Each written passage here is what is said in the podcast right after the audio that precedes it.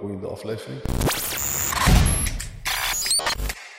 Salam alaikum en uh, welkom uh, bij een nieuwe aflevering uh, van de High Frequency Podcast. Vandaag hebben we weer een, een leuke gast, een jonge dame, Hiba. Hiba is eigenaar van een marketingbureau hier in Marokko, Census heet het. Toch? Oké okay, dan. En Hiba gaat ons, die is pas eigenlijk recent verhuisd. En ze gaat nog wel vaak op en neer. Maar ze is ja, haar avontuur hier in Marokko begonnen als onderneemster. En daar gaat ze vandaag meer over vertellen. En uh, Hiba, van uh, harte welkom. En, uh, Dankjewel. Leuk dat je bent gekomen. En we beginnen altijd met een, een soort van introductievraag om de kijkers een beetje mee te nemen van wie jij bent geweest in Nederland. En dan vanaf daar gaan we naar Marokko. Helemaal goed. In ieder geval, dankjewel voor de uitnodiging allereerst. Ik ben Hiba, 24 jaar. En ja, mijn leven in Nederland was niet zo uitdagend eigenlijk. Waar, waar was het in Nederland ook weer? Want ik vergeet een heleboel dingen. ik zit gewoon in Den Bosch. Oh, Den Bosch. Ja, ja. Den Bosch in Tilburg gestudeerd. Uh, gewoon een best wel een doorsnee HBO-studie, International Marketing. je hebt geen zachte G voor een Den Nee, Bosch. klopt. Okay, dan. Is ja, ja die, ik weet niet, ik denk dat ik of het accent eruit heb gewerkt of ik was er niet zo gevoelig voor of iets dergelijks. Ah, oké. Ja, ja. ja, beter. Nou, ik heb, ik heb dus gestudeerd, gestudeerd in Tilburg. Um, en altijd tijdens mijn studie ook gewerkt. Ook toen mijn eerste aanmerking bij Marokko was gekomen, zeg maar, was ik ook fulltime aan het werk hier en fulltime aan het studeren. Voor mij, ik vond het niet erg dat corona er was, want uh, dat zorgde ervoor dat ik dus online mijn studie kon volgen. En ja, dat we die twee dingen kunnen combineren, gelukkig. Um, ja, dat, uh, mijn leven, ja, zoals ik al zei, mijn leven in Nederland was niet zo heel spannend, maar het begon wel een beetje spannend te worden toen ik dus hier kwam werken in, in Marokko in eerste instantie. Want je gaf aan dat ik hier onderneem, maar ik ben gewoon als ja, medewerker eigenlijk gekomen in loondienst. Oké. Okay. Ja. ja, ik had het over uh, recent, maar ik, ik Ja, weet klopt. natuurlijk dat je dus... Uh, uh, hoe, lang, hoe lang geleden is dat dan? Inmiddels drie jaar geleden, geloof Al ik. drie jaar geleden? Ja, En ja. toen uh, kwam je al, ja, had, je, had je een baantje hier in Klopt, klopt. Ik Ja. was, uh, even kijken, ik was in Casablanca gaan werken. Ik, ben, uh, ik was via via bij, uh, bij de eigenaar gekomen van uh, Passage Fitness. En ja, dat is dus, by the way, ik weet niet, niet veel mensen kennen het volgens mij in Nederland. Maar dat is zeg maar de crème de la crème van fitness in Marokko. Ja. Uh, weliswaar hoger segment, dus er zijn ook wel heel wat midden- en laag segmenten gyms. Maar Passage is wel zeg maar de koploper daarin. Um, ja, die eigenaar is Nederlands dus. Hij had een hele, hele gymketen hier in Marokko gezet. Alleen waar hij tegenaan liep is dat zijn marketing zeg maar niet tot zijn recht kwam. Weet je wel, dat zijn, dat zijn uh, onderneming niet tot zijn recht kwam online. Dus uh, had hij via Nederland proberen nou ja, goede, goede talenten te kunnen, te laten overkomen. Nou, via via dus bij hem terechtgekomen. En toen zei hij van, ja, weet je, ik ben nu bezig met mijn rebranding. En um, het begint nu een beetje goed te lopen met, uh, met de marketing. En ik zou echt heel graag iemand vanuit Nederland naar Marokko willen brengen... om, om dat weer gewoon zo op dat niveau te houden. Dus wil je naar Marokko komen? Ja. Nou, voor mij was die keuze best wel snel gemaakt. Ik zag, het regent, het is 10 graden in Den Bosch. Uh, ik kijk er maar weer... dat was drie jaar geleden? Ja, dat was drie jaar geleden. Okay. Ja, ja. En je had die aanbod in Nederland gekregen? In Nederland in inderdaad, Nederland ja, ja, ja. In ieder geval, ik zag dat in Casablanca iets van 6, 27 graden was. Ik had mijn koffers gepakt en voor ik het wist zat ik in Casablanca. Dus uh, ja, daar was het wel voor mij... Uh, was wel een hele, hoe moet ik het zeggen, een aparte ervaring. Omdat je dan echt ja, je bent op een gegeven moment Marokkanen. Ik moet, ik moet wel zeggen, het was best wel een internationale onderneming. Wij, de voertaal was ook Engels. Engels en Frans. En, kwam, uh, je, kwam je daarvoor wel eens ook gewoon vaak in Marokko? Gewoon vakanties? En eigenlijk zo, zelden. Oh, zelden? Ja, ik okay. was niet echt iemand die elk, elk jaar naar uh, Tanja of Titwan ging. Ik ging één okay. keer in de drie tot vijf jaar of zo. Ik, ik, ik had niet echt iets met Marokko. Okay. Maar toen kwam ik... In... Maar waar, kom, waar kom je vandaan uit Marokko? Ja, Tanja en Titwan. Ah, dus. Tanja en Titwan. Ja, ja, ja, ja. ja. Uh, nou, wel een beetje de, de, de, de ja, doorsnee plekken waar iedereen iedere zomer naartoe gaat eigenlijk. Ja. Dus ik, iedereen die ook naar Tanja en Titwa gaat iedere zomer, ik denk dat diegene ook nog niet echt een heel goed beeld heeft van Marokko. Uh, want toen ik naar Casablanca ging, ja, ik had gewoon een cultuurshock in mijn eigen land. Hoe die mensen daar leven, uh, überhaupt wat voor mensen daar rondlopen. Want ik, mensen zeggen ook altijd tegen mij van, ja, weet je, hoe was het eigenlijk in Casablanca? Ik zeg, dat is zo anders dan dat jij gewend bent in Titwan bijvoorbeeld. Want in, als je kijkt naar Nederland, ik vind zeg maar de Marokkanen, zijn allemaal één subcultuur. Wij zijn eigenlijk allemaal wel een beetje hetzelfde. Je hebt dan een beetje de nerdjes zitten en de, weet je, wat, de, wat, meer, uh, ja, wat meer gangsters of iets. Maar in Casablanca heb je gewoon de hipsters, heb je de, de, de, de, wat meer uh, nerds, heb je gewoon mensen die met rasta rondlopen, gewoon Marokkaans. Dus dan, snap je wat ik bedoel? Dus in Nederland heb je al die subculturen en dat zijn allemaal verschillende nationaliteiten. En in Casablanca zijn het allemaal Marokkanen. Terwijl je zal nooit een Marokkaan zien in Nederland met rasta. Ja. Dat zou jij Ja. nooit tegenkomen. Ja. Dus ehm, ja, dat was voor mij even een, eh, een cultuurshock. Maar heel veel dingen mogen leren daar eerlijk gezegd. Ik heb daar, eh omdat ja, Passage zat gewoon, eh, zat wel gewoon heel goed in elkaar. Er was gelukkig altijd wel wat budget voor marketing, want dat is altijd een dingetje. Ehm, dus daardoor hadden we heel veel, heel veel vette campagnes mogen doen. En marketing-wise is dat gewoon heel tof. Als je iedere maand gewoon mag gaan brainstormen, vette campagnes mag gaan doen. eh, je maakt een budget breakdown. Je stuurt een berichtje naar de, naar de, naar de directeur en zegt van... Hi, we would like to, uh, to have this budget for this uh, campaign that we were planning on doing. En dan zegt hij gewoon gelijk van... Yes, it's approved. Just go get your check at the finance department. Ja, Want hier werkt ze natuurlijk altijd met checks, by the way. ja, ja, klopt, met checks. Hey, en en eh, wat voor campagnes waren, waren dat? Kun je er wat meer over vertellen? Misschien een van je leukste campagnes die je Ja, hebt uiteraard. Ja. Ik heb wel, uh, wat ik tegen je zei, vroeg aan mij toch, ben je ooit belazerd? Ja, Ja, heb, heb je je eerste belazering al gehad in Ja, Marokko? zeker. Oké. dat is een door, door, doorsnee vraag voor ons. Ja. Want, eh, Cursus in Marokko, Ja. die, moet je, die moet je voltooien. Die is standaard, ja precies. standaard in. Ben je ondernemer in Marokko? Ja. Eh, Ja. Ben je ooit belazerd? Nee? Ja. Oké, nog geen Nou, je ondernemer hebt in er een Marokko. aantal zelfs, aantal van die belazeringen die je gaat krijgen. Ja, ik kom nog wel. vertel eens erop. Ja, eens je... Ik ben dus eh, echt geflasht eigenlijk. Oké. Want eh, wat ik zei, ik, eh, toen ik werkte in, eh, in Marokko, was ik eh, eh, was in de coronaperiode. En Marokko, die autoriteiten, je weet, ga open, ga dicht, ga open, ga dicht. Met die gyms. Dat was in, die- in die periode een beetje. Dan mochten we een maand open zijn, dan moesten we weer sluiten, et cetera, et cetera. Nou goed, er, waren dus, eh, er was dus een periode dat we iets langer dicht waren. En toen eh, waren, hadden we in de wandelgangen gehoord van als jullie nu open mogen, dan mogen jullie zeg maar echt open, gewoon voor lange tijd. Dus hij gaat waarschijnlijk gewoon niet meer dicht. Hmm. Nou, dat, dat klopte ook uiteindelijk. Dus wat wij, eh, wat wij dus in ons gedachten hadden van... oké, dan moeten we echt een, een, een openingscampagne weer doen eigenlijk. Van we are open again. En people, eh, mensen wilden echt weer gaan sporten. Die hadden echt weer cravings naar de gym... omdat ze dat heel lang niet mochten doen in verband met corona.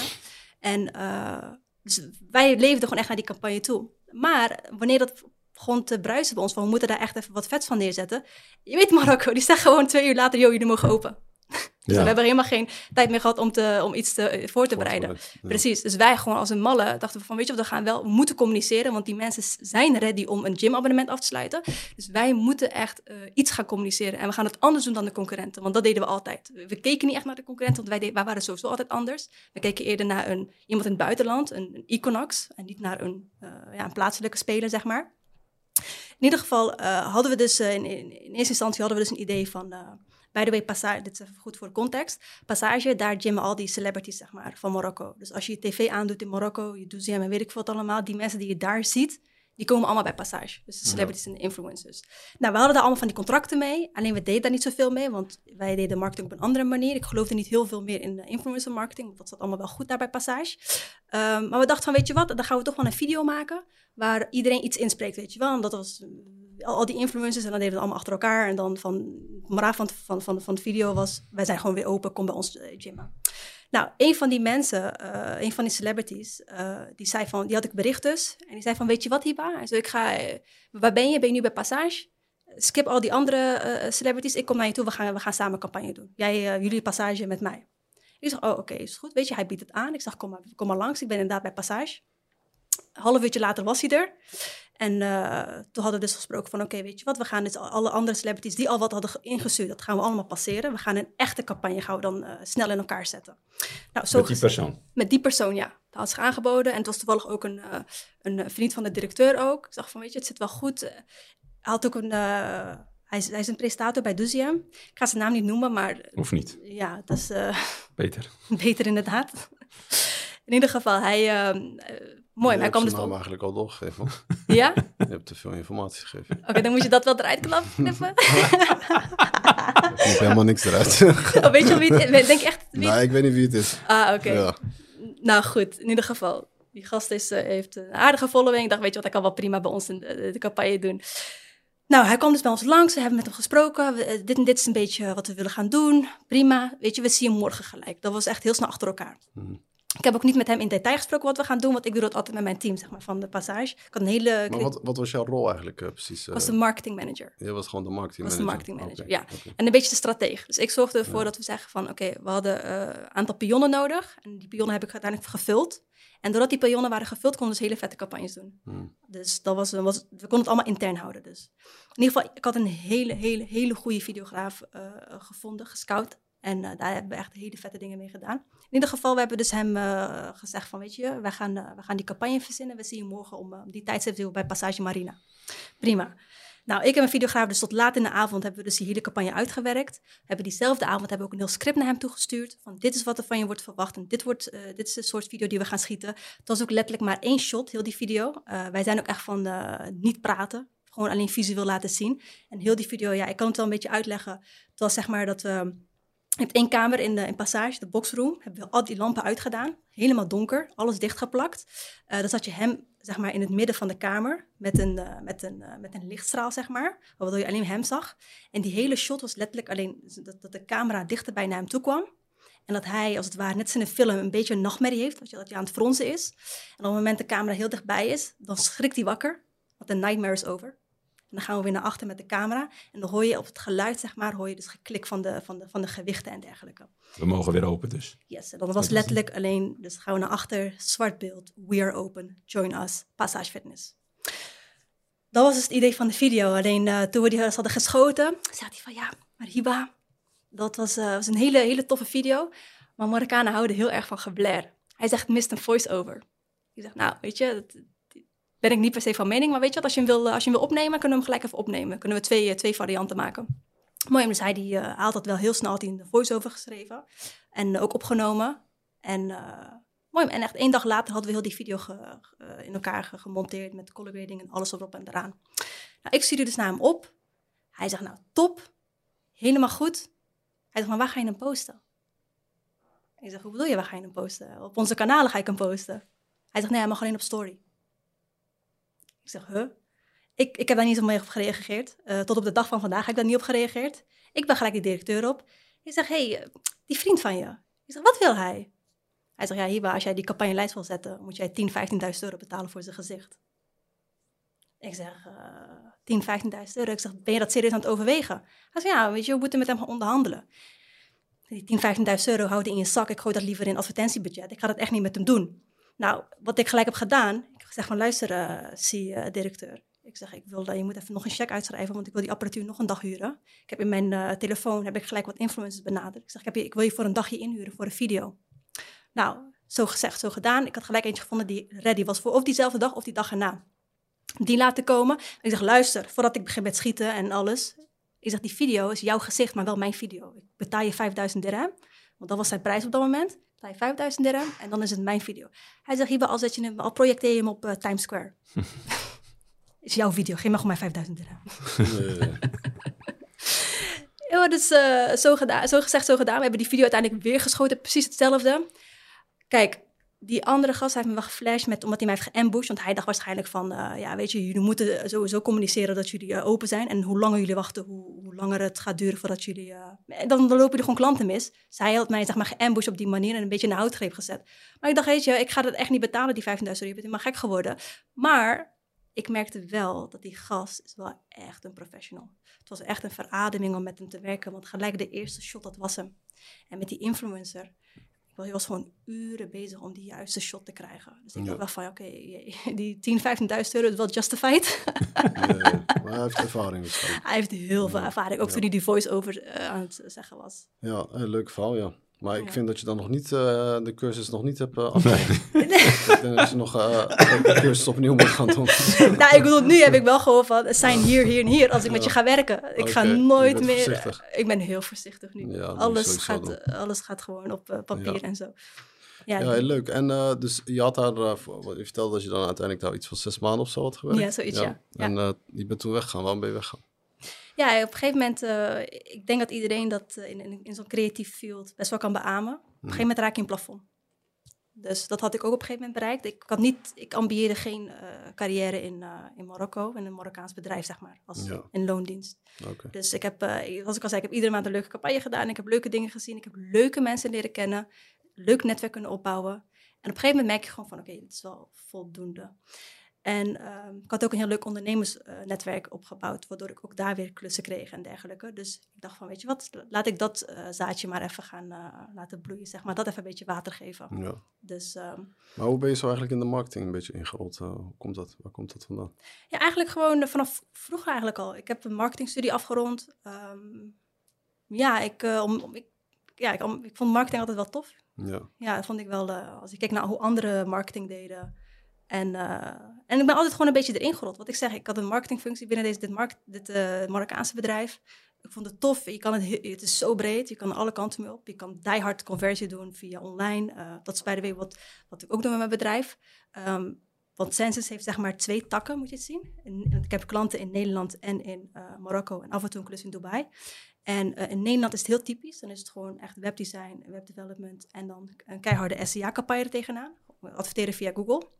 En in Marokko is, ja, marketing is gewoon uh, Instagram, TikTok en social media eigenlijk. Dat is hoe je, dat zou je spread the word. Maar niet echt die hard via uh, Google en conversiegericht uh, werken. Ja. Dus daarom heeft het een beetje twee takken. Ja. Maar na zes maanden besloot je niet om terug te gaan bijvoorbeeld in Nederland? Ja, ik ben dus wel teruggegaan uiteindelijk. Okay. Maar heel kort daarna, een paar weken later, ging Anatolia open. Dat was mijn eerste openingscampagne. Dat is een restaurant in Casablanca.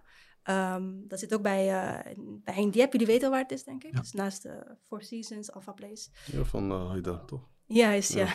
Precies. dus um, Haida en de partners inderdaad. Um, ja, in ieder geval, ik kreeg dus een, een, een, belletje van een van de partners. Want toen ik nog bij Passage zat, een van de partners van Passage, die is ook partner bij, uh, bij Anatolia, zeg maar. Ja, ja. En toen ik nog daar was, had ik ze geholpen met een marketing agency vinden, die voor hen de openingscampagne kon doen van Anatolia.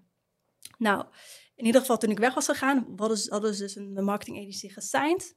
En uh, een paar weken later, toen ik in Nederland was, kreeg ik een belletje van de partners van Hiba.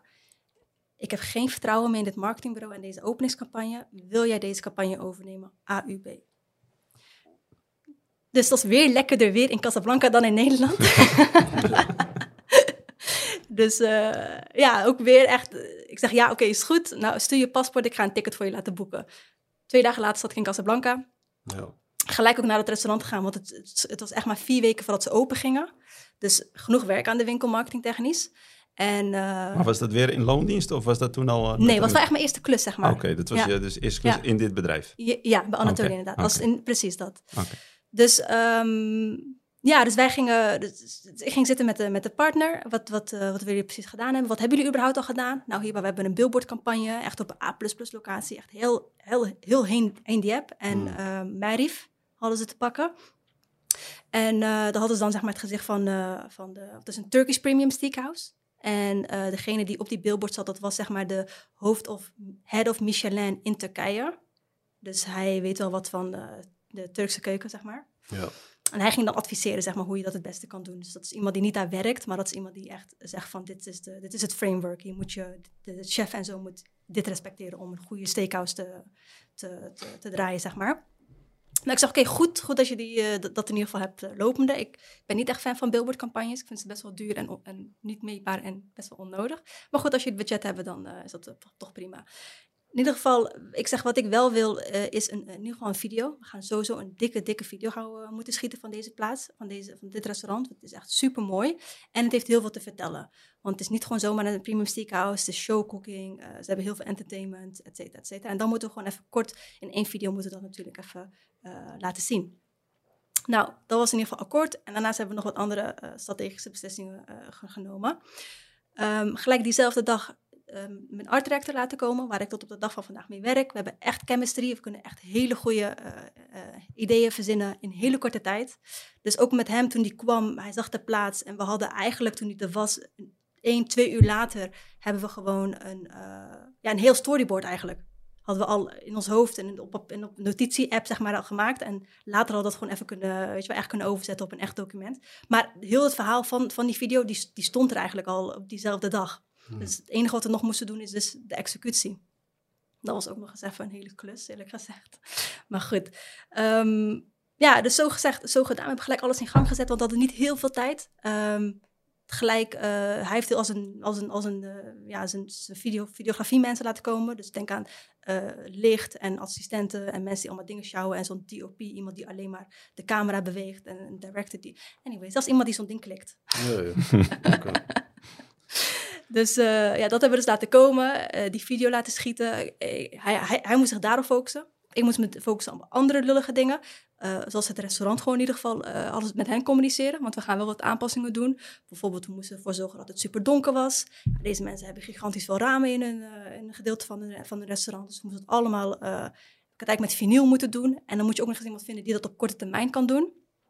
Dat heb, je, dat, dat heb je dan. Dat is wel een hele operatie om... eh, het is een om hele video, eh, operatie. Dat is niet normaal. Want ik, ik vond het heel tof dat die dag, die shooting day, was, Hmm. was de partner er ook. En we waren van 6 uur 's ochtends tot 12 uur 's avonds waren wij bezig. Ja. En hij zegt van zo. En dit voor één minuut video. Ik zeg, ik ben echt blij dat je er bent de hele dag. Want dan zie je tenminste dat wij echt werken voor ons geld. Ja, ja.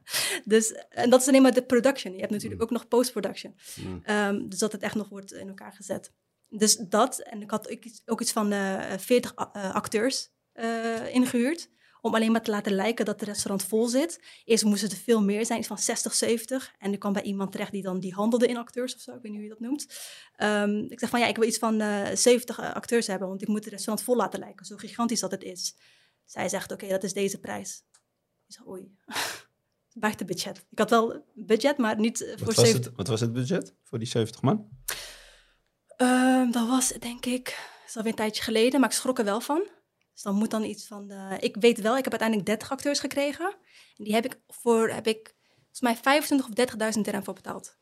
Ja, dus 2500, 3000, ja, dat is wat het kost. En dan krijgen ze ook nog gratis eten waarschijnlijk. Ja, dat is ook nog een dingetje geweest. Ik was heel dag bezig met eten fixen voor deze mensen. Dat was iets wat ik trouwens, dat is ook een les die ik heb geleerd. Ja. Als je dus zo'n grote operatie hebt, eh, moet je echt voor eten zorgen voor iedereen. Om ze- zes uur 's ochtends ook, toen iedereen kwam van de filmcrew, Mm.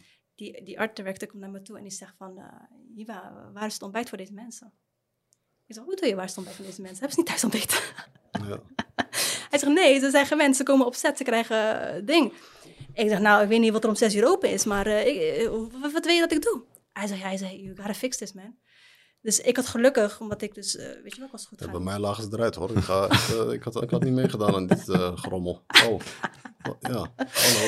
Nee, ik zeg je je eerlijk, betaald toch? Ja, dat dacht Ja. dat denk ik ook. Maar je, je moet wel een beetje die... ehm, als je een beetje goed met ze bent, en Ja. een ontbijt dat kost me niks, dan gaan ze iets harder voor je rennen. Snap je wat ik Ze bedoel? zit alleen. Ze gaan alleen zitten. Dat is toch wat... Zit- Nee, nee, nee, ik had niet over die acteur. Ik heb het toch echt Ah, over die, eh, Ik die dacht mensen over die die werken, gasten zeg maar. die, eh, Nee, nee, nee, die, ja, die moesten ook eten krijgen. Maar, maar Ja. mooi, ik heb het nu zeg maar om zes uur 's ochtends, zeg maar, over die, die gasten, zeg maar. Die, eh die die, 30 filmcrew. gasten. Nee, nee, die filmcrew. Oh, die filmcrew. Die filmcrew. ja. Die moesten wel echt ontbijt krijgen, maar het was zes uur 's ochtends, niks is open. Ja, ik had gelukkig wel, ik had via de partners, die hadden mij, die hadden mij, laten, die hadden mij voorgesteld aan een zo'n dame. Was mijn cheatcode. Zij was echt mijn cheatcode in Casablanca. Alles waar ik tegenaan liep, dat, dat fixen ze echt voor mij. Zoals mijn doctor solution, zo noem ik het. ja. Dus ja, die krijgt van mij een belletje op zaterdagochtend 6 uur. Good morning, sunshine. ik moet even ontbijt hebben voor 10 man. Mm. Ze zegt, don't worry about it. I will send my driver right away. I'll fix it. Ik zeg, oké, dat is het enige wat ik wil horen. Dus dat Ja. was toen gefixt, gelukkig. Maar toen in de middag, inderdaad, ik moest opeens eh, eten hebben voor 60 man of zo. Voor die filmcrew en die, of eh, dat, niet 60 man, iets van 30, 30 van die eh, acteurs. En dan nog eh, filmcrew. Dus dat is iets van, ja, wel 40 man of zo, 45 man. Dus toen dacht ik van, oh. Maar ik zit wel in een restaurant. Dus ik loop naar de directeur toe. Ik zeg, please, I got uh, 45, uh, 45 people over here. They, they, are hungry. kun, kun je niks betekenen voor ze. Het is een hele goede oefening trouwens ook. Hè? Voor als het opeens druk is in het restaurant, kan je, kan je weten of je chefs onder druk even wat te eten kunnen maken. Nou ja, goed. Dus eh, ja, gelukkig was dat wel gefixt vanuit het restaurant. Dat hoefde ik zelf niet meer op de, aan te denken. Dus dat was wel even, een, uh, dat was wel even fijn. Dat Hoe lang heeft het project geduurd? Heel Anatolië, zeg maar, vier weken. Vier weken. Vier weken. Dus dat was zeg maar die video. Dat is gewoon één dag, is dat gewoon rammen. We hadden dus echt, uh, wat ik zeg, we hadden vuurspuwers. We hadden van die bartenders die allemaal van die rare dingen konden doen met uh, glazen. En we hadden uh, zelfs acrobaten. They didn't, they didn't make the final cut, maar die waren er ook. Uh, dus van die 30 acteurs, dat was trouwens ook wat er eigenlijk 60 moest zijn, hebben we gewoon gekeken van oké, okay, dit is die shot. En hoe gaan wij mensen een beetje, hoe gaan we hoofden een beetje, eh, gewoon, gewoon, stra gewoon strategisch neerzetten, zodat het vol lijkt, maar niet per se vol is. Ja. Nou, dat hebben we dus gedaan om, om, om, om het een beetje te halveren. In ieder geval, ja, die video, uh, die was na één dag dus in ieder geval geschoten. En die mocht daarna gewoon uh, lekker in de post-production. Daar heb ik niks mee te maken. Was ik ook heel blij mee. Um, het is uiteindelijk wel heel mooi geworden. En die color grading hebben we ook in het buitenland laten doen. Dus het is echt, zeg maar... Um, ja, het was wel een, een goede video geworden. En ik wist ook echt dat het een goede video was. Toen ik zag dat er een steakhouse was in, in Marrakesh. Die ons video na probeerde te aven. Met dezelfde muziek en dezelfde soort vibe. Maar ken je dat van je wil wat, maar je hebt geen budget ervoor? Dat was een beetje de ding. Dus ik stuurde het zeg maar ook naar die partner toe van... Weet je wel, beter eh, eh, goed gestolen dan slecht eh, verzonnen. Ja, Maar het was beide niet, zeg maar. dat was hem net niet. Dat is hem allemaal net niet, nee. Ja. Ja, En zo'n is- en zo'n project pak je daarna aan en dan als na vier weken is die dan klaar? Of, of beheer je daarna ook, ook, ook de hele marketing? Ja, dat was dus inderdaad, eh, dat is mijn, dat is wel een, ja, daar ga ik wel wat over vertellen, want Ja. ik heb daar ook wat geleerd. Ehm, die campagne was heel goed gegaan. Eh, wat ik zeg, we hadden niet alleen een video gedaan en die gepusht op social media. We hadden ook wat andere strategische eh, eh, beslissingen genomen. Namelijk, een van de partners wilde heel graag alle influencers laten uitnodigen. Ik zeg, dat gaan we absoluut niet doen, want ik geloof niet per, se meer in influencer marketing. op dat moment, want op een gegeven moment hun gelo- geloofwaardigheid is nou wel een beetje, is nu wel echt drastisch gezakt, zeg maar. Met een zak met geld en ze promoten alles voor je. Dus ik zeg, weet je wat we gaan doen? Ik zeg, je hebt mij eh, voorgesteld aan deze dame. Deze dame is super well connected in Casablanca. Zij kent iedereen die wat voorstelt. Ik zeg, laten we met haar gaan zitten en met iemand die de PR deed van eh, Casablanca. Zeg, daar gaan wij een lijst mee opstellen met opiniemakers. Dat zijn journalisten en wel ook influencers, maar die hebben een following, maar die zijn al rijk van zichzelf. Dus die hebben geen agenda om dingen te promoten. Die promoten dingen ook gewoon echt van, dit is goed en dit is shit. Dit moet jij, dit is, dit is gewoon frot, ga er niet naartoe. Die zijn gewoon kei eerlijk. Dus die mensen hebben we uitgenodigd, hebben een, een, een, eh, een diner voor gedaan. Met de, chef heeft ook een diner opgesteld en dergelijke. En hebben we ook gezegd van, luister, waar heb ik om? You can be brutally honest about this restaurant, about the food, about everything. Je hoeft niet, weet je wel, het is gratis inderdaad, maar je mag gewoon, als, jij, als we morgen in de krant lezen, het is helemaal verrot, is dat prima. Dat mag gewoon. Nou, dat was een hele goede strategische zet. Want dat in combinatie met, eh met wat ook een lichte campagne lopende, dat in combinatie met die twee dingen zorgde ervoor dat die influencers zelf kwamen. En die influencers betaalden gewoon voor hun eten. We hadden niemand gratis eten gegeven. Ze betaalden gewoon, ze posten ons. Ze hadden ons getagd, want het was op een gegeven moment cool om bij Anatolia te zijn. Als je er niet was, was je niet, zeg maar, liep je niet mee met, eh, met de tijd, zeg maar. Nou, dat was een hele goede set geweest, waardoor het restaurant toch vol zat met influencers, wat die, wat die partner wilde. En ook nog eens de zakken werden ook nog eens gevuld, want ze betaalden gewoon. Ja. Dus dat was een, eh, dat was een goede eh, strategische zet op dat moment geweest. En al die dingen in combinatie met... Dus toen die video nog in de postproductie zat... hadden we dus een lichte campagne lopende van... Weet je, there is something going on in Casablanca. Op een gegeven moment kwamen er ook gewoon mensen uit Marrakesh... die van, bijvoorbeeld van, de, hoe heet dat de hotel ook alweer? Mandarin. Mhm. Een van die ambassa- twee van die amba- ambassadeurs die kwamen langs. En Anatolia is super gewoon verstopt. Jullie weten waar het is. Het is niet zeg maar, je kan het niet zeg maar zien aan, aan de buitenkant. Dus je denkt van ik ga even een kijkje nemen. Nee, als je naar Anatolia gaat, ga je echt naar Anatolia. Dus die kwamen binnen en die directrice die had hen dus een hele rondleiding gegeven in dat restaurant. Van dit is our dry aged meat section en dit is het verhaal en dit en dit en dat. Zei ze van trouwens, hoe, hoe zijn jullie überhaupt hier gekomen? Want wij zijn niet officieel open. Wij zijn nog, weet je wel, in een eh, soft opening eh, phase. Zij, zeiden ze van, weet je, I don't know uh, if, if you guys know, but you guys popped up everywhere. Op een gegeven moment, ze waren overal zichtbaar. En toen zeiden ze van, wie doet überhaupt jullie marketing? En toen zeiden ze, ja, some kid from Holland. Zo'n kid van Holland, ja.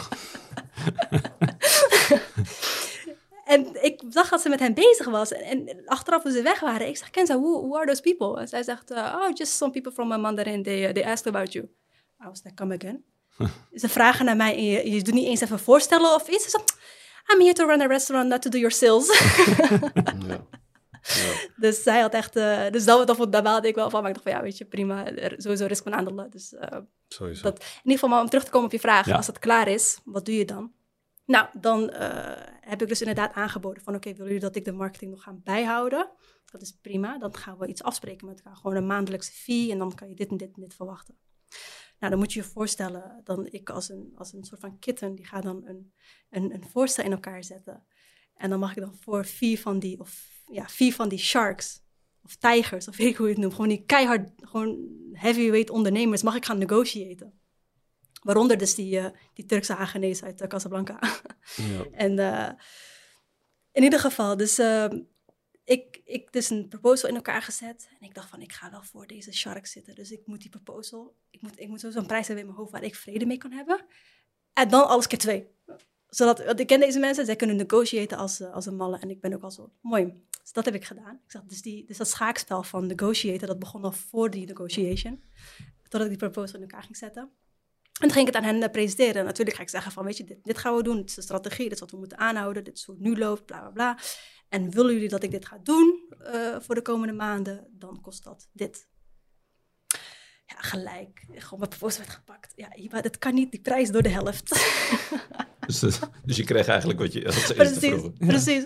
Dus ik dacht ook van, oké, gelukkig dat ik dat heb gedaan. Want als ik het gelijk de initiële, mijn uh, initiële prijs erop gezet, dan hadden ze sowieso nog wat eraf gehaald. Niet de helft, maar wel wat. Dus ik dacht van, oké, weet je wat? No, don't worry about it, prima. Gaan we doen. Nou, zo gezegd, zo gedaan. Ik had ze dus binnen als klant en ik ging hen dus, uh, ik dus die marketing op me nemen. En dat is waar, een beetje mijn, uh, waar ik mijn fout heb gemaakt. En dat is wat mensen heel vaak zeggen tegen mensen in Nederland die willen ondernemen in Marokko. Van als je wil ondernemen in Marokko, moet je hier zijn. En ik was hier niet. Ik was er niet. Ik was in Nederland. Ik dacht dat ik het allemaal wel goed voor elkaar had. Ik was best wel ja, arrogant tegenover mezelf. Van ja, weet je, jij kan dat wel. Je bent die uitzondering. Nee, ik ben niet die uitzondering. Was niet gelukt. Ik, uh, na een aantal maanden was ik ze ook kwijtgeraakt als klant. Want zij miste wel iemand gewoon een, ze miste wel gewoon een gezicht uh, die daar aanwezig is. Um, ja, ze hebben wel zoiets van, we betalen iedere maand, maar ik zie je niet eens. Ik zie, er wordt wel echt werk gedaan, maar ik zie je niet. Dus wij willen graag overstappen naar een uh, interne marketeer. Ja. Dus prima, no hard feelings, gewoon goed uit elkaar gegaan. En fast forward twee jaar krijg ik weer een belletje van die Turkse Hagenees uit, uit, uh, uit Casablanca. Die zegt mm. van, Hiba, weet je wat? Ik zeg, we hebben het met zoveel mensen geprobeerd na jou. Ik zeg, jij mag het gewoon vanuit Nederland doen, maar neem ons alsjeblieft weer aan als klant. Zei ik van, oké, okay, dan uh, weet je wat? Ik zei... Dat is recent, neem ik aan. Dat is recent, ja. Dat was uh, een paar weken geleden. Oké. Ja. En toen zeiden ze zelfs van, weet je, je mag het gewoon vanuit Nederland doen. Ik zeg, ja, nee, weet je, ik, ik geen zorgen, ik ben, wat, ik ben wat vaker in Marokko ik ben hier eigenlijk best wel vaak. De reden dat ze jou gebeld hebben, is het omdat het, omdat het in, in, de, in de business wat slecht, slechter gegaan is met de restaurant, denk je? Of, of denk je dat het gewoon echt ligt aan de kwaliteit van de, van de, ja, van de marketing in, in Marokko? Ja, ik denk beide.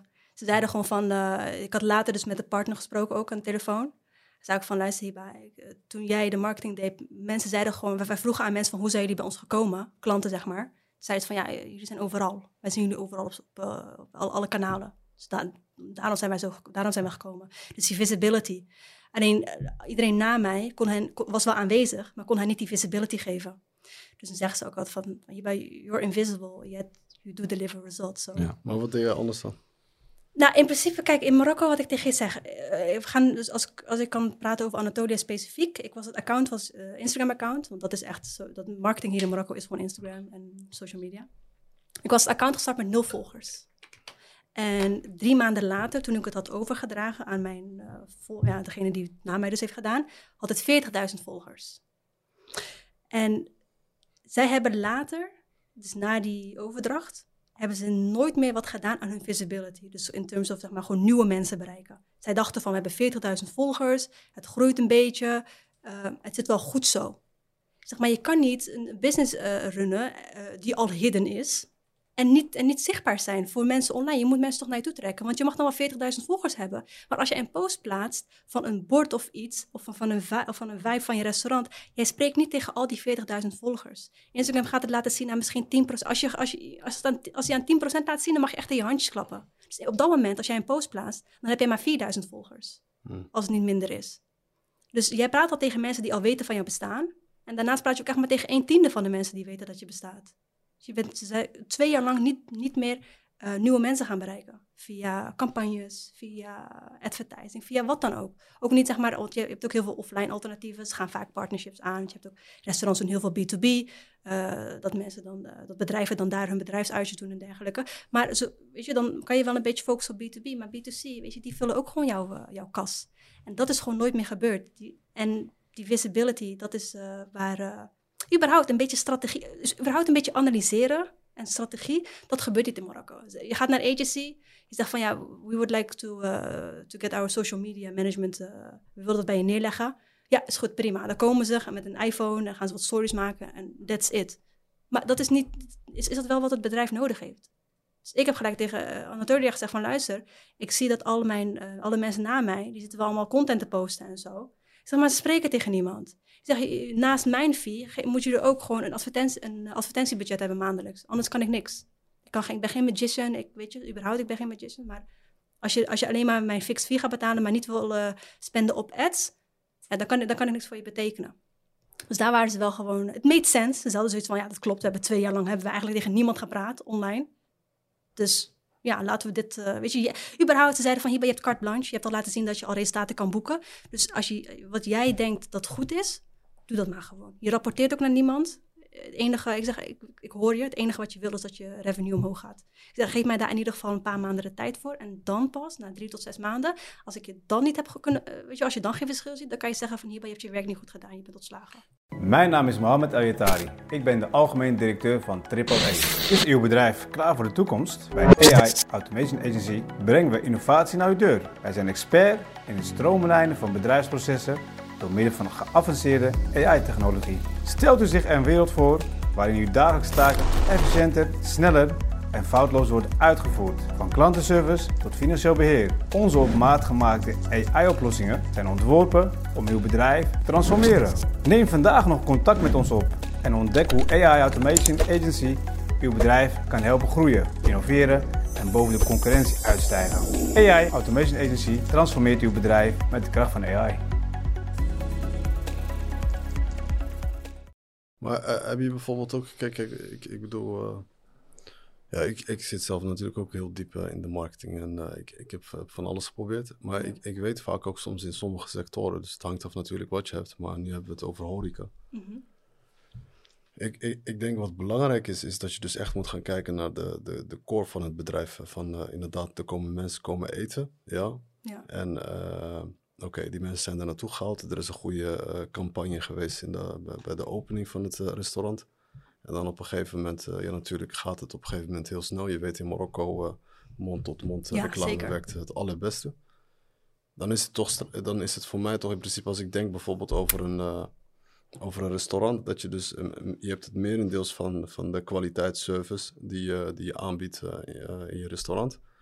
En je marketing in, in dit geval zou in principe eigenlijk eh, een heel klein percentage eh, een, rol spelen, bijvoorbeeld Mhm. eh, in het. ja, dat, dat gaat een rol spelen bij de mensen die je nog niet kennen. Ja. Weet je? Ja. En natuurlijk is het belangrijk van hoe je ze aanspreekt en hoe dat wordt gedaan. Absoluut, 100% mee eens. Maar ik denk toch wel van, als je het vo- voornamelijk over een restaurant hebt, in de horeca. Ik denk als, je, als de eerste klant er is geweest, zal het daar eigenlijk moeten, moeten gebeuren dat hij, dat hij eh, terug moet ge- komen en dat hij het ook door gaat vertellen. Ik denk dat dat het allerbelangrijkste is. Maar ik denk dat Ali daar nog wel meer over kan vertellen, Ja. want die eh, runt zelf ook eh, vier restaurants. Ja, Ik ben, zelf, ik ben zelf pas na, met mijn marketing begonnen na acht jaar. Na, na acht jaar open te zijn. Geen, Ja, geen, geen, geen openingcampagne, geen begin. Ik zei nog tegen hem, je bent gek, jij. Echt waar. Nee, je bent gewoon het gevalletje van Hidrollah. Ja, nee, ik was gefocust op wat hij zegt. Ja. Ik was echt gefocust op resultaten. Dus, dus binnen, binnen, binnen de zaak. Dat betekent dus dat je de juiste service geeft, de juiste kwaliteiten en de juiste prijs voor, de, voor het publiek wat je wil aantrekken. Kijk, en als dat er is, ja, dan, gaat het, dan gaat het heel snel. Klopt. Maar ik zat bijvoorbeeld al, al vol zonder mijn marketing. Snap je? Ja. Dus omdat je, omdat je wel prijsbewust bent en je geeft de kwaliteit eh, in service, wat, eh, wat, wat eh, ook ja, echt vier sterren, vijf sterren restaurants geven. Dus je, ben- je, Klopt. ben- je bent, je bent dicht bij de, de, de, de, de, de, klanten. Klopt. En, eh, en, en de hygiëne, het moet gewoon schoon zijn. Ja. Het moet echt schoon zijn. 100% mee eens. Kijk, wat, wat jullie eigenlijk zeggen is, wat jij eigenlijk gewoon gelijk- gelijk goed hebt gedaan met je restaurant is, je had een product market fit. Jouw product en de markt waar je in bevindt, dat was gewoon een match made in Ja. heaven. Dat zorgde ervoor dat mensen dat zelf gingen doen. eh, zelf, eh, ja, eigenlijk jouw marketing gingen doen. Want jouw beste marketing is gewoon jouw product. Dan kan je een, een million dollar campaign hebben, maar als je gewoon een goed product hebt, die kan, ze- kan zichzelf verkopen. Ik kan je wel zelfs nog wel vertellen. Ik ben pas met marketing begonnen toen ik uh, Zemmel heb leren kennen. Echt waar? Ja, daarom, dat zei ik toen. Toen Ja. zei ik tegen Ja. je, je zal wat in marketing moeten Ja. gaan. Ja. Toen ben ik pas, pa- pa- pa- pas echt begonnen met marketing. Klopt. Ja. Tuurlijk, weet je, er zijn heel veel ondernemingen, eh, restaurants, die niet eens hygiëne, die zien er niet uit, maar toch die draaien als een malle. Die hebben toch een, die hebben een bepaalde product market fit bere- bereikt. Maar wat er bij, specifiek bij Anatolia het geval Ja, het was, is wel wat luxere restaurant ook. hè. Dus Juist. dat, dat speelt Kijk, ook wel rol. ik denk dat, ja, ik, weet, ik, ik ben nooit bij jouw restaurant geweest, maar ik denk niet dat het luxere segment is. Is denk ik moeilijk te vergelijken met elkaar. Want Mm, eh, lo- Low cost. Low cost, ja. Ja. precies. Kijk, ik kan, dat is eigenlijk waar je elke dag kan eten. Ja. Anatolia niet. Anatolia heeft gewoon, eh, weet je, je heeft gewoon dingen op het menu van 900 dirham. Snap je? Je hebt te praten tegen een heel andere eh, eh, soort mensen, zeg maar. Niet tegen de, het is niet de massa. Massa is kassa, dat is in jouw geval. Zij zaten dus echt eh, niet, ze praten niet tegen de massa wat ze verkopen, want het is ook echt dry-aged steak. Eh, het is echt voor de meat lovers. Ehm, Ja, maar zel- zelfs, da- zelfs dan in, in dit conce- concept had ik, had, ik had ik gekozen voor prijsbewust. En, en hygiëne en kwaliteit in Oh, hygiëne, inzetten. luister, de hygiëne, eh, er lopen, ik weet niet hoeveel mensen... Kijk, hygiëne is het goed. Het restaurant is super mooi. Het is echt heel mooi. Alleen wat zij tegenaan lopen, is dat ehm, zij moeten het echt hebben van hun vaste klanten. Hun vast, vaste kring. En de rest is hen een beetje vergeten. Dat gevoel hebben zij een beetje. Maar Dus hier moet, hier moet je echt gaan realiseren. en moet je even go- goed gaan nadenken van hoeveel mensen zijn er in, in, in bijvoorbeeld in, in die omgeving in Casablanca die daar kunnen komen eten voor, de, voor Ja. die bedragen. Ja. En dat is een, dat, dat, dat is een eh, marketingonderzoek. klopt, Of dat is een vooronderzoek eigenlijk Klopt. die je zou moeten eh, verrichten. klopt. Om te kijken hoeveel mensen... Maar er zijn, er zijn, er zijn een Maar- heleboel andere plekken waar het ook gewoon heel duur is hoor. En, en, Klopt. En, en die, dra- ja, die bestaan al veel langer. En da- daar is het wel altijd vol. En ik weet wel dat zij niet heel echt eh, actief zijn in dingen. Maar- Want zij zijn ook wel een beetje eigenlijk een stukje meer. Want we hebben het nu wel over Anatolie toevallig wel, maar het is niet. eh, we zeggen niet dat hij niet draait of zo, daar gaat het niet om. Maar we, zitten gewoon even te kijken van, eh, van. Want kijk, het is wel een stukje entertainment wat je daar ook Klopt. krijgt. En als je bijvoorbeeld kijkt, er zijn andere restaurants die je in Casablanca hebt, die ook veel spelen op een, merendeels op entertainment. En Mag ik, mag ik één ding zeggen? Ja. Sorry dat ik onderbreek. Ik, was, ik weet dat het een van de huisregels is. Kijk, Cas- Ik had je het in het begin gezegd. Anders vergeet ik straks wat ik wilde zeggen. Nee. daarom, Ga ik je- moet je het even je- zeggen. Je mag me Kijk. First things first. Kijk, Casablanca, waar zit je met je restaurant? In, Kn- in Knitteren, Knitteren. toch? Kijk, Casablanca, dat segment waar zij zitten, het is hoe gek het ook klinkt, je draait niet als je geen alcohol hebt. Dat is Oh, ja, één ja. van de Oh, grootste toevallig problemen. nog ook met hem erover Dat is het. Kijk, jij praat, die restaurants wat je zei, die draaien als een malle. Je praat over. Cabestan, je praat over die La ja. Corniche. Die hebben allemaal, ja, Ja, die hebben alcohol, ja, klopt. Ja. Snap je? Dat is gewoon, daar hoef jij niet eens. Ik, ben daar allemaal geweest bij die restaurants. Eten is daar echt, dat laat zich, ja, mooi. Dat eten is niet zo chill. Ehm Anatolia heeft wel een goed product. Maar zeggen, weet je wat mensen elke keer zeggen? Die komen, want eh, trouwens, het kan werken, Anatolia. Want die eerste drie maanden dat ik eh, dingen, eh, weet je wel, het, nu- toen die openingscampagne was gelanceerd, vanaf toen, ieder weekend zat het vol. Hmm. Het zat bomvol. En het is een grote arena. Het zat bomvol. Maar iedereen zei van, het is een toprestaurant. Heeft rarely eaten, like, zo, zo goed eten hier in Casablanca of überhaupt in Marokko. Maar ik wil met mijn steak, wil ik een rode wijn. Dat zegt gewoon een Marokkaan, een, een moslim. En dat ze niet één keer, niet twee keer, maar dat zegt iedereen. Dus wil je slagen in, in Casablanca met een high-end restaurant, ja. dan heb je gewoon alcohol Ja, klopt. Maar je, in Casablanca heb je inderdaad een, eh, een, een stukje van de bevolking dat inderdaad... eh, En dat is die stuk die wij aanspreken met Anatolia. Dus dat is die ja, ja, ja. hogere klasse. ja dat, dat is inderdaad dan een beslissing die je moet gaan maken. Ja, want dat is precies hetzelfde met de Four Seasons. Je, je kan mij niet vertellen dat Four Seasons een, eh, dat, dat, dat, dat zij niet hygiënisch zijn of geen goed product hebben. Ze hebben een goddelijke restaurant. Oh nee, ze hebben geen alcohol. Want zij Ja. zitten ook met hetzelfde probleem met die Saoedische moskee. Of ja, probleem. Maar sowieso, eh, die, die partners die willen niet eh, dat ze hun handen daaraan branden. In deze dunia ga je alcohol verkopen. Nee, ja, Daar zou ik sowieso niet aan beginnen. ja, Nee. absoluut niet. Hoeveel risk het ook met zich meebrengt. Ja, dat is waar. Ja. Al brengt het 100 miljoenen binnen, dan zou ik er niet niet waard. aan... Nee. is niet waard. Absoluut niet. Hey, maar dus eh, ik, ik wilde weten, dus op een gegeven moment, eh, je, je gaat dus nu, heb je dus Anatolie ook als klant natuurlijk. En dan, Ja, eh, nu maar dat is dan, ja, je bent nu eigenlijk een, een onderneemster en je, met Sensus heb je dan eh, meerdere bedrijven waar je nu mee samenwerkt in Marokko? Of, Als klant bedoel je, zeg maar? ja. Wat wij veel doen is voornamelijk uit, in de projectbasis. Ik, ik vind het social media management vind ik eigenlijk niet zo heel tof. Ik heb liever zeg maar dat een klant naar me toe komt van ik heb deze casus, ik ga open, doe je openingscampagne of ik wil met, eh, ik heb dit idee, wil je daarbij helpen? Maar eh, bijvoorbeeld afgelopen zomer hebben we wat festivals gedaan. Dat was ook een hele grote scene in Marokko blijkbaar. Ehm heb ik ook één keer gedaan, wil ik ook nooit meer doen. Maar hebben we wel hele, hele vette dingen voor eh, mogen doen. Er kwam blijkbaar een DJ dus uit eh Boris Brescia of zo. Ik ken hem niet, ik kende hem niet, maar iedereen kent hem daar wel. En in Marokko. Een festival wat in Rabat. Nee, in eh, Marrakesh. Oh, in, Marrakesh, eh, oké. in. Ik weet niet of je dat kent. Eh, hoe? Terra Jenna. Wat is dat? Dat is een heel groot terrein, zeg maar, voor een festival. Oh, oké. Of ja, terrein, het is eigenlijk een heel groot, soort van resortachtig iets. Je Mhm. kan daar een festival bouwen, maar het is best wel leuk gedaan eigenlijk. Je hebt een, een heel groot terrein voor, waar, waar, je- dus een festival kan bouwen. En daarnaast heb je zo'n ehm, soort van colosseumachtig iets. Oh, Dan oké, kan je ook weer het een en ander doen. En dan een stukje verder kan je, wat ze in festivals vaak doen, in Marokko, ik weet niet of het overal zo is, van die winkeltjes. Mhm. En wat chillruimte. In ieder geval, het is een gigantisch groot terrein met best wel een leuke vibe. Oké. Dus ehm, En dat heb je toen, eh, je hebt toen de marketing gedaan eh, landelijk in Marokko. eigenlijk, de, eh, de, de- ik- kwam bij hen toen ze al best wel ver waren. Dus we hebben de content hebben we geschoten. Dus een aftermovie en recaps. En ze zouden dan een tweede editie gaan doen. Ehm, en daar zou ik dan de campagne voor doen, die tickets te verkopen. Maar ik denk dat het gewoon een teken was van God. Dat, dat ik deze niet moest doen. Want eh, die eh, headliner, de DJ, die, kreeg, eh, die had kanker. En toen was het hele event was gecanceld, hebben ze wat anders gedaan. Dus had ik gezegd van, weet je, laten we, dit maar, laten we deze maar gewoon even voorbij schieten.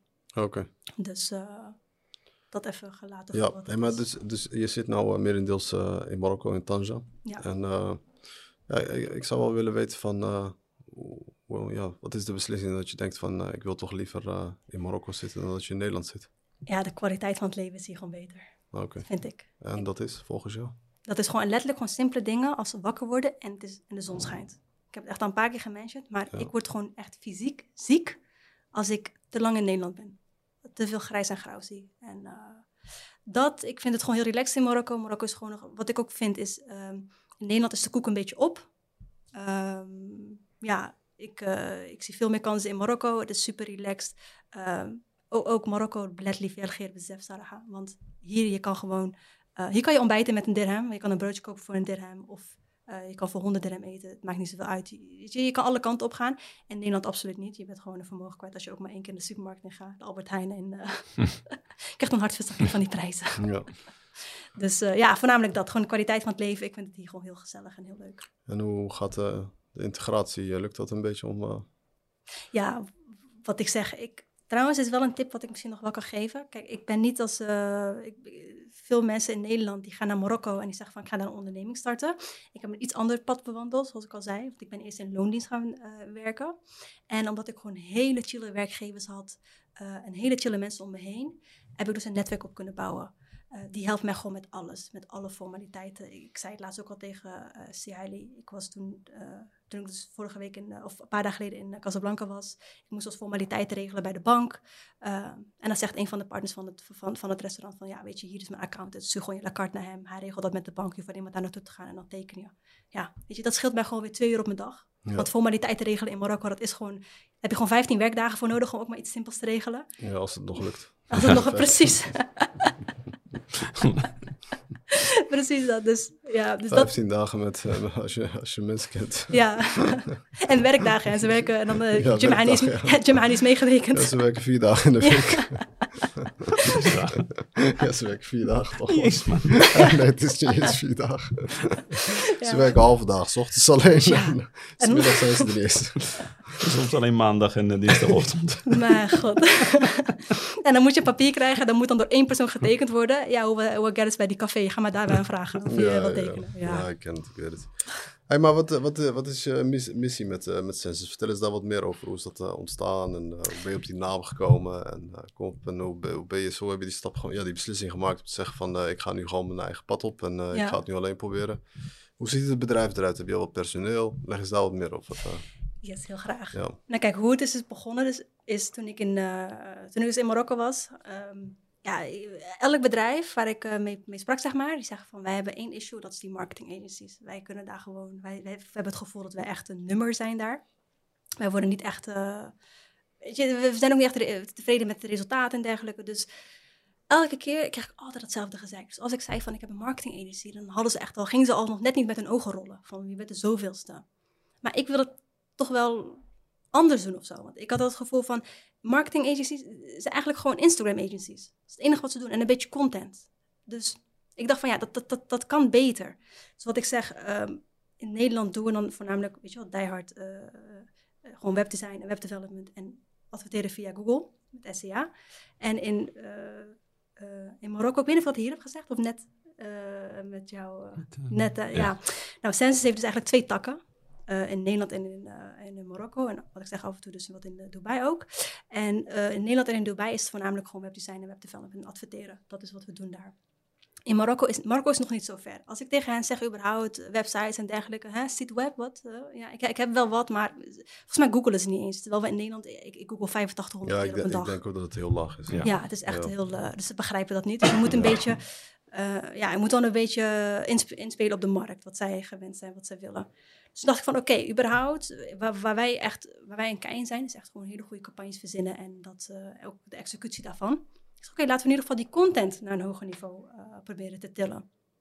En dat is waar mensen wel naar me toe komen. Dat ze zeggen van, oké, weet je wat, wat jullie doen met Census is wel echt wel andere koek. Zij willen wel, als, we, als je een dikke campagne wil, dan eh, ben je bij mij wel zeg maar, aan het juiste adres. Ja, En dat is wat ik merk van, oké, dat, dat werkt wel bij, eh, dat, dat, dat werkt wel zeg maar hier in Marokko. ja. Maar hanteer je dan ook Marokkaanse prijzen of zijn het eh, echt... eh, dat is een goede vraag. Mogen we, mogen we vragen wat een campagne kost voor een eh, opening van een restaurant bijvoorbeeld? Is echt maatwerk. Nou, het echt hangt af wat je maatwerk. natuurlijk gaat doen. Ja, Ja. Ah, is echt maatwerk. Het hangt af wat je gaat doen. Ja, gemiddeld gewoon een... eh, wat gemiddeld. Dus, eh, je koopt geen eh, dingen, alle tomaten, een kilo tomaten. Oké, ik ga het wel gewoon tegen je zeggen. het is heel breed. Ik weet dat het heel breed is. Kijk. Ligt eraan wat je, wat je Ja. inderdaad, wat Ja, uh, wat je wil. zegt. Maar voor Marokko. Ja, Voor Marokko, wat zou het... eh, Kijk, ik hanteer wel gewoon Nederlandse prijzen, eerlijk gezegd. Ik doe wel een beetje, ik pas wel een beetje aan aan de markt, maar ik heb zoiets van, luisteren, het, het feit dat ik Nederlandse kwaliteit beschikbaar maak voor jullie, betekent dat jullie eigenlijk meer dan Nederlandse prijs moeten betalen, want dit bestaat niet wat ik jullie geef. Ja. Maar ik ben de broedste niet. Eh, met Anatolia, de kostprijs van die video was 100.000 dirham. Dat was 10.000 euro. Dat is- 10.000 en dat is echt, ik heb daar echt gewoon hele, hele goede deals mee gemaakt. Want eigenlijk, als ik zeg maar, als ik niet goede connecties had, was die video minimaal 15.000 of 20.000 euro om te maken. ja. En dan moet ik hem nog verkopen. Maar wat levert hij op dan, zo'n video van 10.000? Nou, na de eerste week van lancering was het eh, restaurant iedere week vol. En we hebben Ja, die is, voornamelijk is dat, gepusht. eh, is dat eh, is mede. kan het weer het, eh, terug worden verbonden aan die video? Of? Ja, in principe wel. Kijk, we hebben naast die eh, video, je hebt natuurlijk data. Je kan laten zien hoeveel mensen er uiteindelijk een boeking hebben gedaan. Dan zie je zoveel kliks, zoveel duizenden kliks. mhm. Nou, als we zeggen van dat, die, dat een x-percentage van die boekingen echt door is gegaan. Nou, dat was wel echt wel tienduizenden, al dan niet honderdduizenden euro's in het begin. Dus dat was wel echt ook eh, met... Ik had dan wel een SEA-campagne had ik gelijk aangezet. Want ik dacht van, ik ga niet... Als, voor de mensen die wel googelen... Ik was ook aangenaam verrast. Ik zag ook dat er vanuit die SEA-campagne... eh, volgens mij was dat in twee weken tijd... waren er iets van duizend kliks of zo... die naar een reservering wilden doen. En laten we ook zeggen dat daar een x-percentage van door is gegaan. Nou, die investering van die SEA-campagne... die was wel eh, ruimschoots eh, terugverdiend. Ja, zeker, zeker. Leuk. Maar we weten wel in ieder geval van, eh, dat heb je net al verklapt eigenlijk. Dus als iemand eventueel zaken zou willen gaan doen met Hiba, dan eh zegt ze altijd de dubbele prijs. dus je kan altijd Nee, nee, nee. Dat, is, dat heb je zelf klopt, gezegd. Klopt, dat heb ik gezegd. Maar even context geven, even, nuan- even nuanceren. Oh, Oké, je gaat het even recht trekken nu. Ja, tuurlijk. Kijk, Ja. nu, kijk, was, was in het begin, ik wist niet, weet je. Dat was mijn eerste klant en zo. Oh, Kijk, nu weet ik wat de markt is. Nu, nu geef ik ook altijd. Dat is wel, nu geef je gewoon direct de prijs. ja, is heel fair wat je zegt. Ja. Maar nu heb ik zoiets van, dit is mijn prijs. Take it or leave it. Ja, eigenlijk wel. Ik Oh, kan er misschien een heel klein beetje, ik kan misschien wat iets meer diensten leveren of iets. Maar, het is eh, voor 90% is het wel dat. Ja, oké, dus dat heb je inmiddels al... eh, Ja, ja, dat is gewoon, nou ja, tuurlijk. Ik Ja. bedoel, ik was gewoon, ik was 21 jaar of zo voordat ik, eh, toen ik voor die eh, vier ondernemers zat en een directeur. Ja. En even moest gaan zeggen hoeveel ik waard was. Ja, het is een grapje ook. Ja. Ja, en waarom, serieus. beslo- waarom besloot je na Anatolia en Passage Fitness eh, Ta- Tanja? Waarom heb je voor Tanja gekozen? En waarom ben je bijvoorbeeld niet in Casablanca gebleven? Terwijl Casablanca ook een eh, gigantische grote... Ja. Ik kan het bijna een wereldstad noemen met de 8 miljoen inwoners of 9 Ja, miljoen inwoners. Kijk, Casablanca is top. Maar heel, het 8 miljoen? 8 miljoen? Zoiets ongeveer. Of is het toch 6 of zo? Of is het groeit? Ja, misschien zes, alleen eh, wat de cijfers zeggen, maar eh, het is... het- Ja, degene die... eh, ja. Dat is ook zo raar, hè? Dat Ja. altijd, eh, dat op, ik, wil bijvoorbeeld, ik sta bijvoorbeeld... eh, ik heb mijn adres in Ves, hè? En op mijn lakadres. Ja. Maar ik woon in Tanja. ja. Maar als je, als, als je waarschijnlijk naar de cijfers zou gaan kijken... dan word ik gewoon eh, wat het, Met eh, Ves. meegeteld met ja, Ves. ja. ja, ja. Heb jij een uh, Marokkaans lakadres toen ook? Oh, zeer zeker. Waar staat je adres? Hier zo. In Tanja? Ja, echt, Oh. echt gewoon hier een paar blokken verder. Oh, Oké, ja, Ja. was dat. Ja, Ja, ik, eh, Meegeteld met Tanja. Oh ja? Ja, natuurlijk. ja, jij, woont- jij bent dan een inwoner van Tanja. Officieel wel. Ja. Officieel wel. Maar wij Ja. hebben het over, eh, dus eh, er zijn een heleboel. Kijk, ik, uh, انت لك national die ik vind en de ladres. Ja, die komt zelfs uit Tezo. Want zelf in Knes. Ja, maar is, is, is normaal toch? Want in, in Nederland heb je toch ook heel vaak je, eh, weet je wel, ge- eh, toch ook een plek waar je... Nee, je begrijpt niet wat ik bedoel. Dus kijk, als, je, als jij Als je omdraait bedoel je toch het adres wat erop Ja, dat staat? adres wat erop staat. Ja. Ja. Maar in Nederland heb je toch ook gewoon zeg maar geboorteadres. Word je daar ook... Nee, natuurlijk niet. Dat is echt stom wat ik Nee, zeg. maar als je in Nederland Nee, verhuist klopt. van, de, van de stad Klopt. naar de stad toe, dan Klopt. moet je weer inschrijven bij de Klopt. gemeente. En ja, toch, Ja. dan gaat het toch zo. Dan geef je een verhuizing aan Klopt. en dan eh, krijg je dat nieuwe adres. En dan weten ze... Sta, je- sta je daar geregistreerd? sta je daar Klopt. geregistreerd. Klopt. Maar hier eh, sta je geregistreerd 800 kilometer verderop. klopt. je wordt meegenomen in die cijfers. maar je woont in Ja. een hele andere stad. Komt allemaal omdat ze hier het Franse systeem eh, aanhouden. Allemaal papier- Ja. papieren en zo. Ja, het is eh, nog chaotisch op dat ge- gebied. Waarom maar waarom... eh, Ja. Dat is wel interessant om te weten, want eh, je hebt in Casablanca heb, Ja. je actief. Ja. Eerst in loondienst, daarna ook voor jezelf. Ja. Dus ja, je hebt daar ook een, een, een netwerk op kunnen bouwen. Zeker. Dus eh, Ja. toch voor Ta- Tanja gekozen. Er moet een aanleiding voor zijn. Natuurlijk, ik, Ja. ik kom gewoon niet vandaan. We hebben hier echt letterlijk om de hoek heb een huis. Eh, ik heb hier familie wonen. Dat vind ik wel heel relaxed. Ik moet wel zeggen, als ik in Marokko ben, 50% van de tijd ben ik in Casa en 50% van de tijd ben ik in Tanja.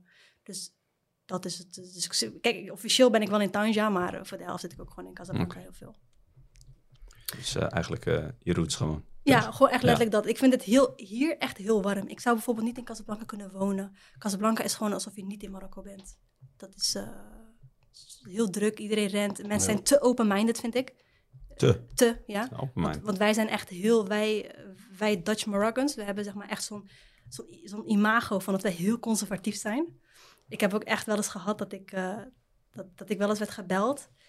En dan nam ik op, gewoon, gewoon voor de graf, voor, door, gewoon door een vriendin van me, van uh, Assalamu alaikum wa rahmatullahi wa barakatuh. En Ja. zij zegt, what's up with you Dutch Moroccans, man? You guys are like the Taliban. Ik zeg, Wat? ik zeg, come again. Omdat je gewoon eigenlijk gewoon netjes Gewoon- groet. Ja, ik zeg, hoort. precies dat. Ik zeg, you mispronounced Edep of Swab. Zij zegt, why die feta Edep of Swab? Just, just say salam or hello, that Ja. would do. Ja. Oké. Ja, ze vinden ons echt heel conservatief hier. Ja, ik, ik weet wat je bedoelt. Hey, maar hoe zit het eh, bijvoorbeeld, eh, ik bedoel, eh, als vrouw zijnde in Marokko? Want wij krijgen wel eens vaak die vragen van, is het voor vrouwen ook Ja. gewoon haalbaar, mogelijk? Word je niet lastig gevallen Nee. Als vrouwen zijn is het heel erg mogelijk hier. Of benadeeld? nee, ik heb Nee. het niet meegemaakt. Sterker nog, ik heb het gevoel dat ik een beetje word voorgetrokken. Ja, ik, ik, ik heb tot nu toe nog nooit echt mee te... Kijk, sowieso als ik iets... Uh, wat ik zeg, ik ben begonnen uh, hier met al een beetje een netwerk via, weet je, via mijn werk, via mijn oude werkgever, et cetera, et cetera. Dus alles wat ik nodig heb, gaat al via een netwerk. Dus dan is het al, ik, ik ga niet zeg maar blanco naar iemand toestappen. En, en de keren dat dat gebeurt, hij die Sarah, weet je. Vooral in Casablanca, ze zijn super open-minded. Ze staan daar niet echt mee voor te kijken dat een vrouw zaken doet. Um, ja, hier in Tanja heb ik dat iets minder meegemaakt. Ik doe echt heel veel dingen in Casablanca eigenlijk. Um, ja, in principe... Ik weet niet of jullie, hebben jullie dat meegemaakt met jullie medewerkers? Als, jij, als een vrouw bij jou komt solliciteren of bij jou, hoe, hoe doen jullie dan anders tegen haar? Um, ja, ik, ik, behandel haar anders dan een man, uh, toch? In positieve zin? Of? Ja, in positieve zin, maar ja, ja.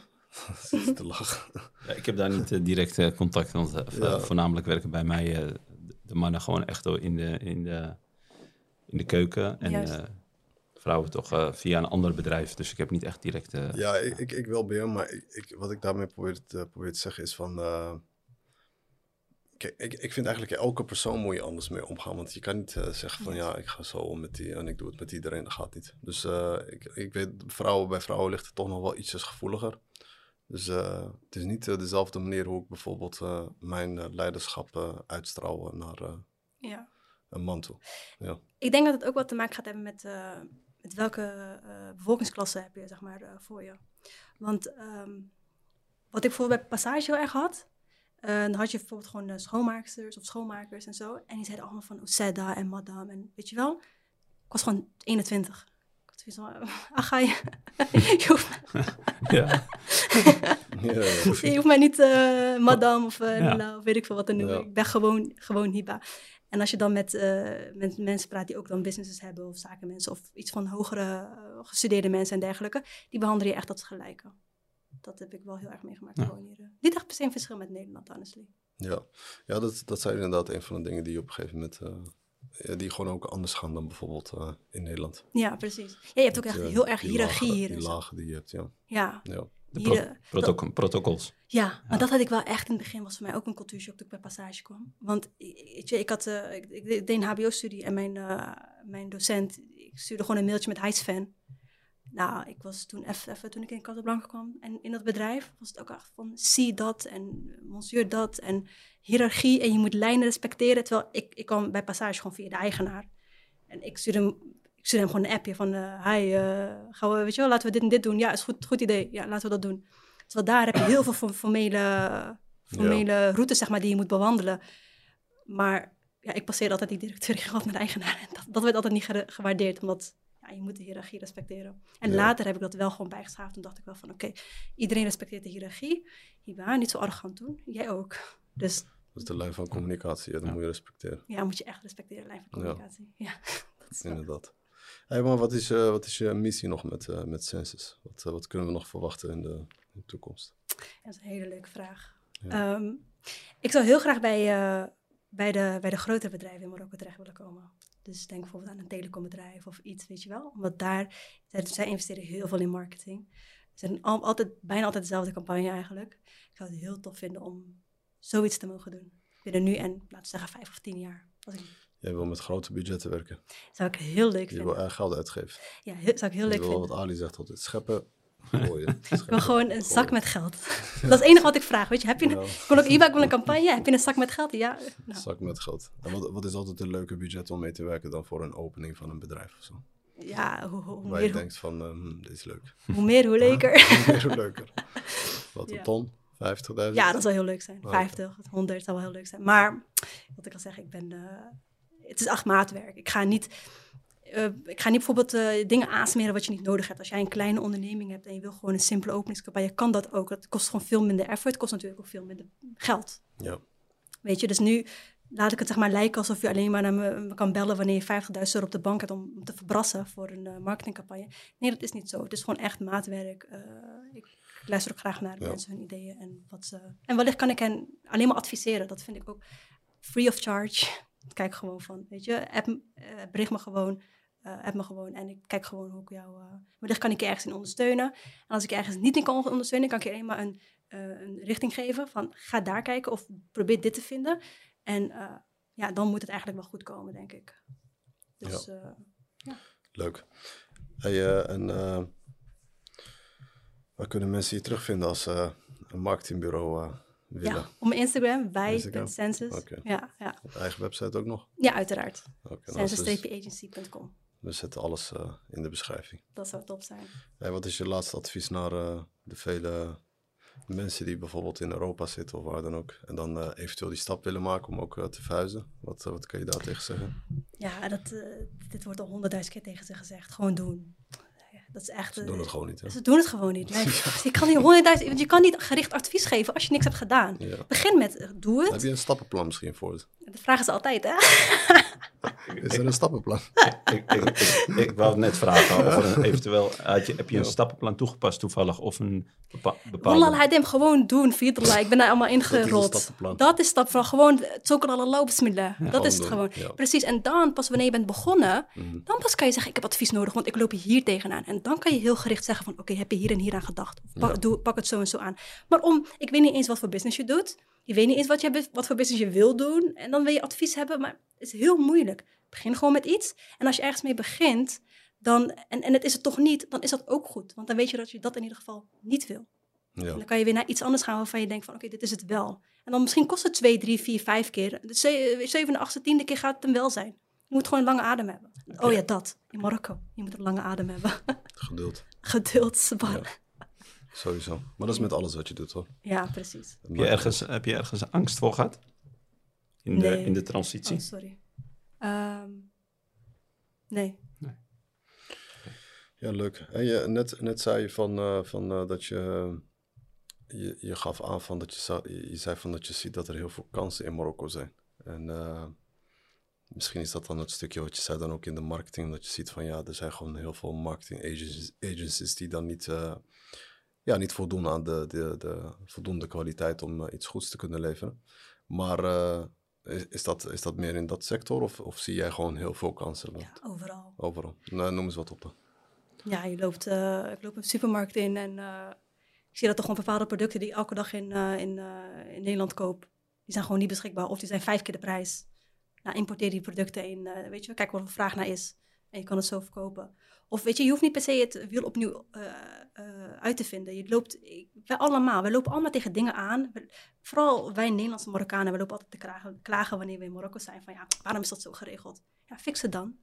en maak er een businessmodel van. Hmm. En ja, dat, ik denk als je alleen maar een maand in Marokko bent, loop je al tegen honderd dingen aan. Kies één van die dingen en maak er een business eh, omheen.